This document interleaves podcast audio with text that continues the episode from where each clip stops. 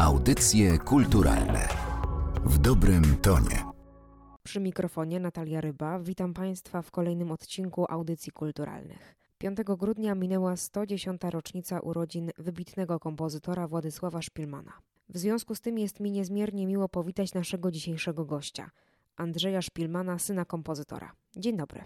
Witam Państwa. Może na początek takie pytanie, byśmy trochę bliżej poznali pana tatę, czyli czy Władysław Szpilman zawsze był tak elegancki, jak go widzimy na wszelkich zdjęciach? Zawsze nosił marynarki, krabaty, czasami ubierał się sportowo, ale również elegancko. Nawet do tego stopnia, że kiedyś robiłem taki program z tatą w telewizji. Tak się złożyło, że tato przez pomyłkę do różnych dzień nagrań, bo to trwało 4 czy 5 dni, założył inną marynarkę a jechaliśmy w niedzielę na spacer do Konstancina i ojciec był sportowo ubrany, no i powiedziałem, to zajrzyjmy do tej telewizji, zobaczymy, co oni robią. Oni akurat nagrywali piosenkę dziecięcą i ta pani nie bardzo sobie dawała radę z fortepianem, która akompaniowała. No i ojciec usiadł do fortepianu szybko i, i zaakompaniował i szybko zostało wszystko nagrane. Tylko podczas montażu stwierdziliśmy, że tego dnia był w sportowej kurtce zamszowej. W związku z tym w jednym programie wystąpił w ciemnym, w jasnym garniturze i w kurtce sportowej. Na początku uczył się w konserwatorium Fryderyka Chopina w Warszawie, później był na stypendium w Berlinie, ale mnie właściwie ciekawi, czy opowiadał kiedyś panu, jak to się u niego wydarzyło, że to muzyka stała się tą jego miłością i pasją?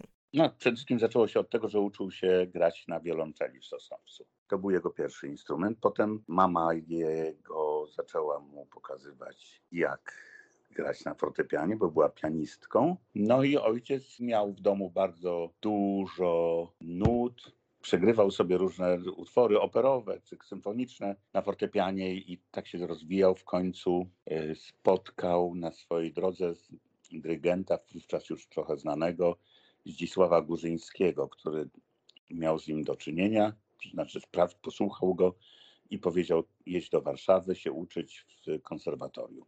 I tak trafił do profesora Smidowicza w Warszawie, później do Michałowskiego, no i do Berlina. Kogo któryś z kolegów namówił, że tam jest najlepiej. No i tam był dwa lata u profesora Schnabla, Schreckera, no i Kreuzera, fortepian jeszcze też. Kompozycję Schrattenholza jeszcze był taki drugi. No w każdym razie u tych czterech miał studia. Napisał tam kilka utworów symfonicznych też, koncert skrzypcowy i suitę fortepianową Życie maszyn, którą nam się udało po wojnie dotrzeć do kopii w 2000 roku. W Los Angeles y, Bronisław Gimpel miał kopię. Tak, nie wiem dlaczego dostał do ręki. Do 1933 roku, tam było 1931. Wyjechał z Berlina, bo już faszyści doszli do władzy i tym się robiło bardzo nieprzyjemnie. I wyjechał do Warszawy i Sietyński go namówił, żeby, żeby startował w konkursie na posadę pianisty w polskim radiu. No to było wtedy bardzo takie prestiżowe stanowisko, tam pracowało 28 osób na stałe. Umiał robić pewne rzeczy, których nie umieli inni, mianowicie to nazywało się preludiowanie. Bardzo dużo audycji było granych na żywo, nie było, były tylko płyty, nie było żadnych taśm. W związku z tym artyści musieli się zmieniać przed mikrofonem, aby audycja była urozmaicona. Czasami orkiestra musiała zmienić skład tym czasie publicznością, czyli słuchaczami radia, zajmował się pianista, który przeprowadzał muzycznie temat z jednego utworu do drugiego, zmieniając też często tonację. Czyli musiał wiedzieć, co będzie grane i w jakiej tonacji, żeby móc potem przejść do tego utworu. I to trwało czasami minutę nawet.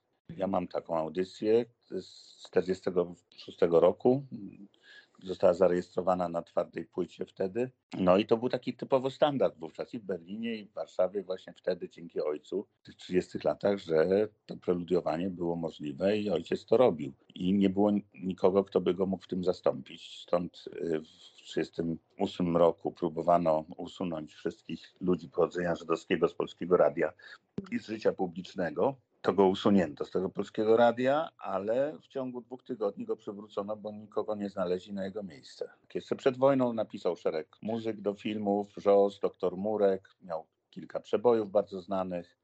No oczywiście był znany też wśród wszystkich ludzi, którzy mieli kontakt z radiem. No więc ojciec był w pewnym sensie jakimś celebrytą.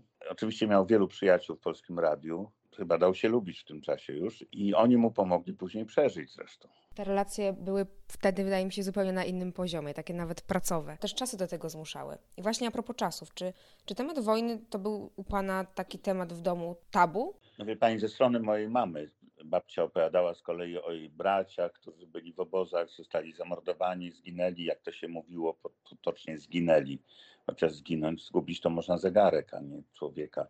Po tej stronie rodziny opowieści były dość żywe, jak zresztą podejrzewam w każdej polskiej rodzinie, bo trudno sobie wyobrazić, że była jakaś rodzina, która się w całości uchowała. Natomiast jeśli chodzi o stronę ojca, to słowem, nie było to nigdy poruszane. E, te, te tematy były przemilczane i zresztą chyba też nie bez powodu. Mówiąc szczerze, to tak sobie niedawno uświadomiłem, że cały ruch, czyli i film, i książka, uruchomiły jakieś olbrzymie akcje ekonomiczno-finansowe na poziomie kilkuset milionów dolarów. I to jeszcze nie jest koniec. A wszystko zaczęło się od jednego pomysłu mojego kolegi, żeby, ten, żeby książkę ojca, która była w 1945 roku wydana, żeby ją opublikować jeszcze raz. Co się okazało niemożliwe, bo była w bardzo złym stanie językowym. No i trzeba, musiałem bardzo dużo pracy w to włożyć, czego wcale nie zamierzałem robić. No i kosztowało mnie to dużo energii, ale efekt był taki, że uznana została za książkę napisaną yy, językiem poety a w tej formie z 1946 roku została przez dwa wydawnictwa odrzucona i przez mojego agenta również. Stąd jest to wyjaśnienie, dlaczego 50 lat nikt nie, nie, nie wydał tej książki ponownie, bo była słabo napisana. No ale to obojętne, no to trzeba było zrobić językowo, faktograficznie się nic nie zmieniło. Ja siedziałem nad tym długo, pół roku i później dokonałem tłumaczenia własnego, praktycznie własnej pracy po niemiecku na język polski. I to jest to, co mamy w Polsce jako pianistę, to co pani mogła przeczytać, to jest moje tłumaczenie mojej własnej praktycznie obróbki tego utworu w języku niemieckim. To się stało bestsellerem. W Polsce sprzedano, zdaje się, 300 tysięcy książek, a, a obiecywano 4 tysiące. Podejmując tą decyzję wówczas, yy, nie spodziewałem się, że będę od 97 roku, że będę się tym bardzo istotnie zajmował, a zajmuję się tym dalej istotnie, bo w tej chwili jesteśmy znowu w przygotowaniu teatru na, na Broadwayu. I jeśli nic nam nie przeszkodzi, to będziemy mieli premierę w maju. To prawdopodobnie będzie to w dużej dystrybucji światowej, czyli pójdzie później na West End, do innych stolic światowych i do mniejszych miast, i jeszcze mniejszych, i do szkół. I wtedy będę mógł powiedzieć, że osiągnąłem to, o co mi chodziło. W momencie, gdy to zacznie być, powiedzmy, w szkołach w jakikolwiek, w jakikolwiek sposób wykonywane, będzie miało to ten e, efekt edukacyjny, o który mi chodzi. Właśnie to są ci młodzi odbiorcy, którzy powinni to słyszeć, nie ci starzy, którzy wojnę przeżyli Ci młodzi powinni wiedzieć, jakie to są nieprawości, do czego wojna prowadzi, co się wtedy dzieje, jak wszyscy cierpią bez wyjątku i po stronach tych ofiar i przestępców jestem bardzo zainteresowana takim wątkiem, a mianowicie w pianiście jest niesamowicie pokazana relacja Władysława Szpilmana i e, Hosenfelda. I zastanawiam się, czy w scenariuszu zostało to stworzone na podstawie książki, czy pan jednak może akurat o tym wątku tato jakkolwiek wspominał? Hosenfeld jest y, postacią niezwykłą, jeśli chodzi o Niemcy, ale z tego powodu, że o tym wiemy. Takich ludzi było dużo więcej. Zawsze jest pewna duża grupa ludzi, którzy się nie zgadzają z tym, co się dzieje, no a z drugiej strony nie mają wyjścia. Ta presja, która była na początku mała, gdy młodzi Niemcy chodzili po ulicach i krzyczeli Heil Hitler, to wydawało się, że to w ogóle nic nie znaczy. Także to nas tak bezpośrednio nie dotykało, a w pewnym momencie to zaczyna narastać i nagle tacy, wie pani, ludzie jak pani, demokratycznie myślący, nie mają nic do powiedzenia, boją się wyjść na ulicę, bo dostaną w nos. Także te rzeczy się wymykają szybko spod kontroli i to jest powód, dla którego należy się uczyć historii, bo to teoretycznie pokazuje, jak powinno się żyć. I dlatego ta książka jest tak ważna i opowieść mojego ojca. Bo w sumie to, że ta książka powstała, to nie tylko jest dlatego, żeby pani przeczytała i żeby pani się ją zachwycała. Nie. To jest w sumie jedyne, co się dało jeszcze zrobić z tym morderstwem na mojej rodzinie. Żeby po prostu nie odeszło w niepamięć. I ludzie, którzy przeczytają pianistę i naprawdę wzięli sobie do serca, co przeczytali, i nie mogą być niedobrzy dla innych ludzi. Życie jest za cenne. Pan Hosenfeld, który był w książce dokładnie tak opisany, jak było to naprawdę, potwornie zbulwersowany, oburzony i robił co w jego mocy, bo był krytycznie nastawiony do tego, co się dzieje do reżimu. A to nie wynikało tylko z tego, że był katolikiem i że zgodnie z jego wiarą nie powinno się czynić bliźniemu złych rzeczy. Nie, on po prostu nie zgadzał się. Na początku był zachwycony, a później przeżył pewne przeobrażenie, przemianę i stał się wrogiem reżimu. On nie był na pewno jeden w Niemczech, bo ja spotkałem więcej ludzi, którzy i ukrywa, ukrywali różnych ludzi i pomagali. To, co pokazał Polański, żeby to było jasne. Taki film działa w ten sposób, że nie pokazuje wszystkich losów, tylko pokazuje pewne reprezentatywne losy. Mój ojciec był postacią reprezentatywną dla losów wszystkich Żydów w czasie II wojny światowej. A Hosenfeld był postacią reprezentatywną dla pewnej grupy Niemców, której nie jesteśmy w stanie opisać, jak duża była, no ale na pewno nie był to pojedynczy przypadek, że ludzie stawali się z czasem przyzwoici i nie zgadzali się, bo to wszystko ma swoje granice.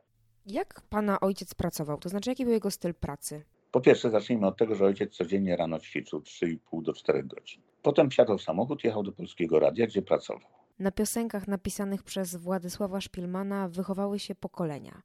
A jak było za granicą? Ja cały czas mam do czynienia, z, jestem konfrontowany z różnymi ludźmi. No i na przykład nigdy nie przypuszczałem, że piosenki ojca są tak popularne w Związku Radzieckim, o czym ojciec też nie wiedział. Tam istnieje chyba ze 25-30 nagrań piosenki tych lat nie odda nikt.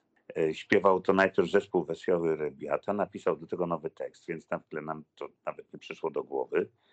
I e, chodzi o portret namalowany przez Pabla Picasso. Tak się nazywa piosenka. No ta piosenka miała jakieś dziesiątki nagrań. To był strasznie popularny utwór. Natomiast też Polska, jego utwory śpiewała najbardziej popularna e, sowiecka piosenkarka Edyta Piecha. Jej pierwszym utworem i wielkim szlagierem był Czerwony Autobus, który wszyscy znamy. Również znalazłem pięć płyt z ojca piosenkami wydanych w Ameryce Północnej. Przez wybitnego gitarzysty, przez zespoły orkiestrowe. Piosenki znakomicie zresztą nagrane. Te, które znalazłem, to jest pięć sztuk. Ta twórczość ojca wydawało mi się, że jest w ogóle nieistniejąca poza granicami Polski, jednak funkcjonowała jakoś. Mama przed śmiercią w ubiegłym roku, 3 maja odeszła, napisała książkę Żona pianisty, która się w olbrzymim nakładzie już rozeszła i jest właściwie bestsellerem. Natomiast ja piszę książkę o czasach warszawskich mojej młodości, czyli za komuny, plotki i życie kulturalne. Dlatego, że miałem do czynienia, wie pani, ja sam komponowałem, działałem muzycznie i miałem do czynienia z różnymi artystami, a też bywałem z ojcem na różnych spotkaniach, środowiskach i, i znałem wielu wybitnych artystów i, i te, te wszystkie rzeczy będą tam omówione. Też napiszę, jak powstał pianista naprawdę, dlatego że to wynika y, z dużej pracy. Codziennie się wydaje w, w Ameryce tysiąc książek nowych, tytułów w Europie 500. I wie pani, jak doprowadzić do tego, żeby jedna książka stała się bestsellerem? A to nie było przypadkiem, tylko po prostu ja miałem to szczęście, że od 16 roku życia umiałem zajmować się nie tylko pisaniem piosenek, ale ich promowaniem też. Także jak to napisał kiedyś Wojciech Młynarski, zresztą kolega ojca, z którym miał zresztą pisać coś, gdyby nie to, że ojciec zmarł, róbmy swoje. Gościem audycji kulturalnych był pan Andrzej Szpilman. Bardzo dziękuję za rozmowę. Audycje kulturalne w dobrym tonie.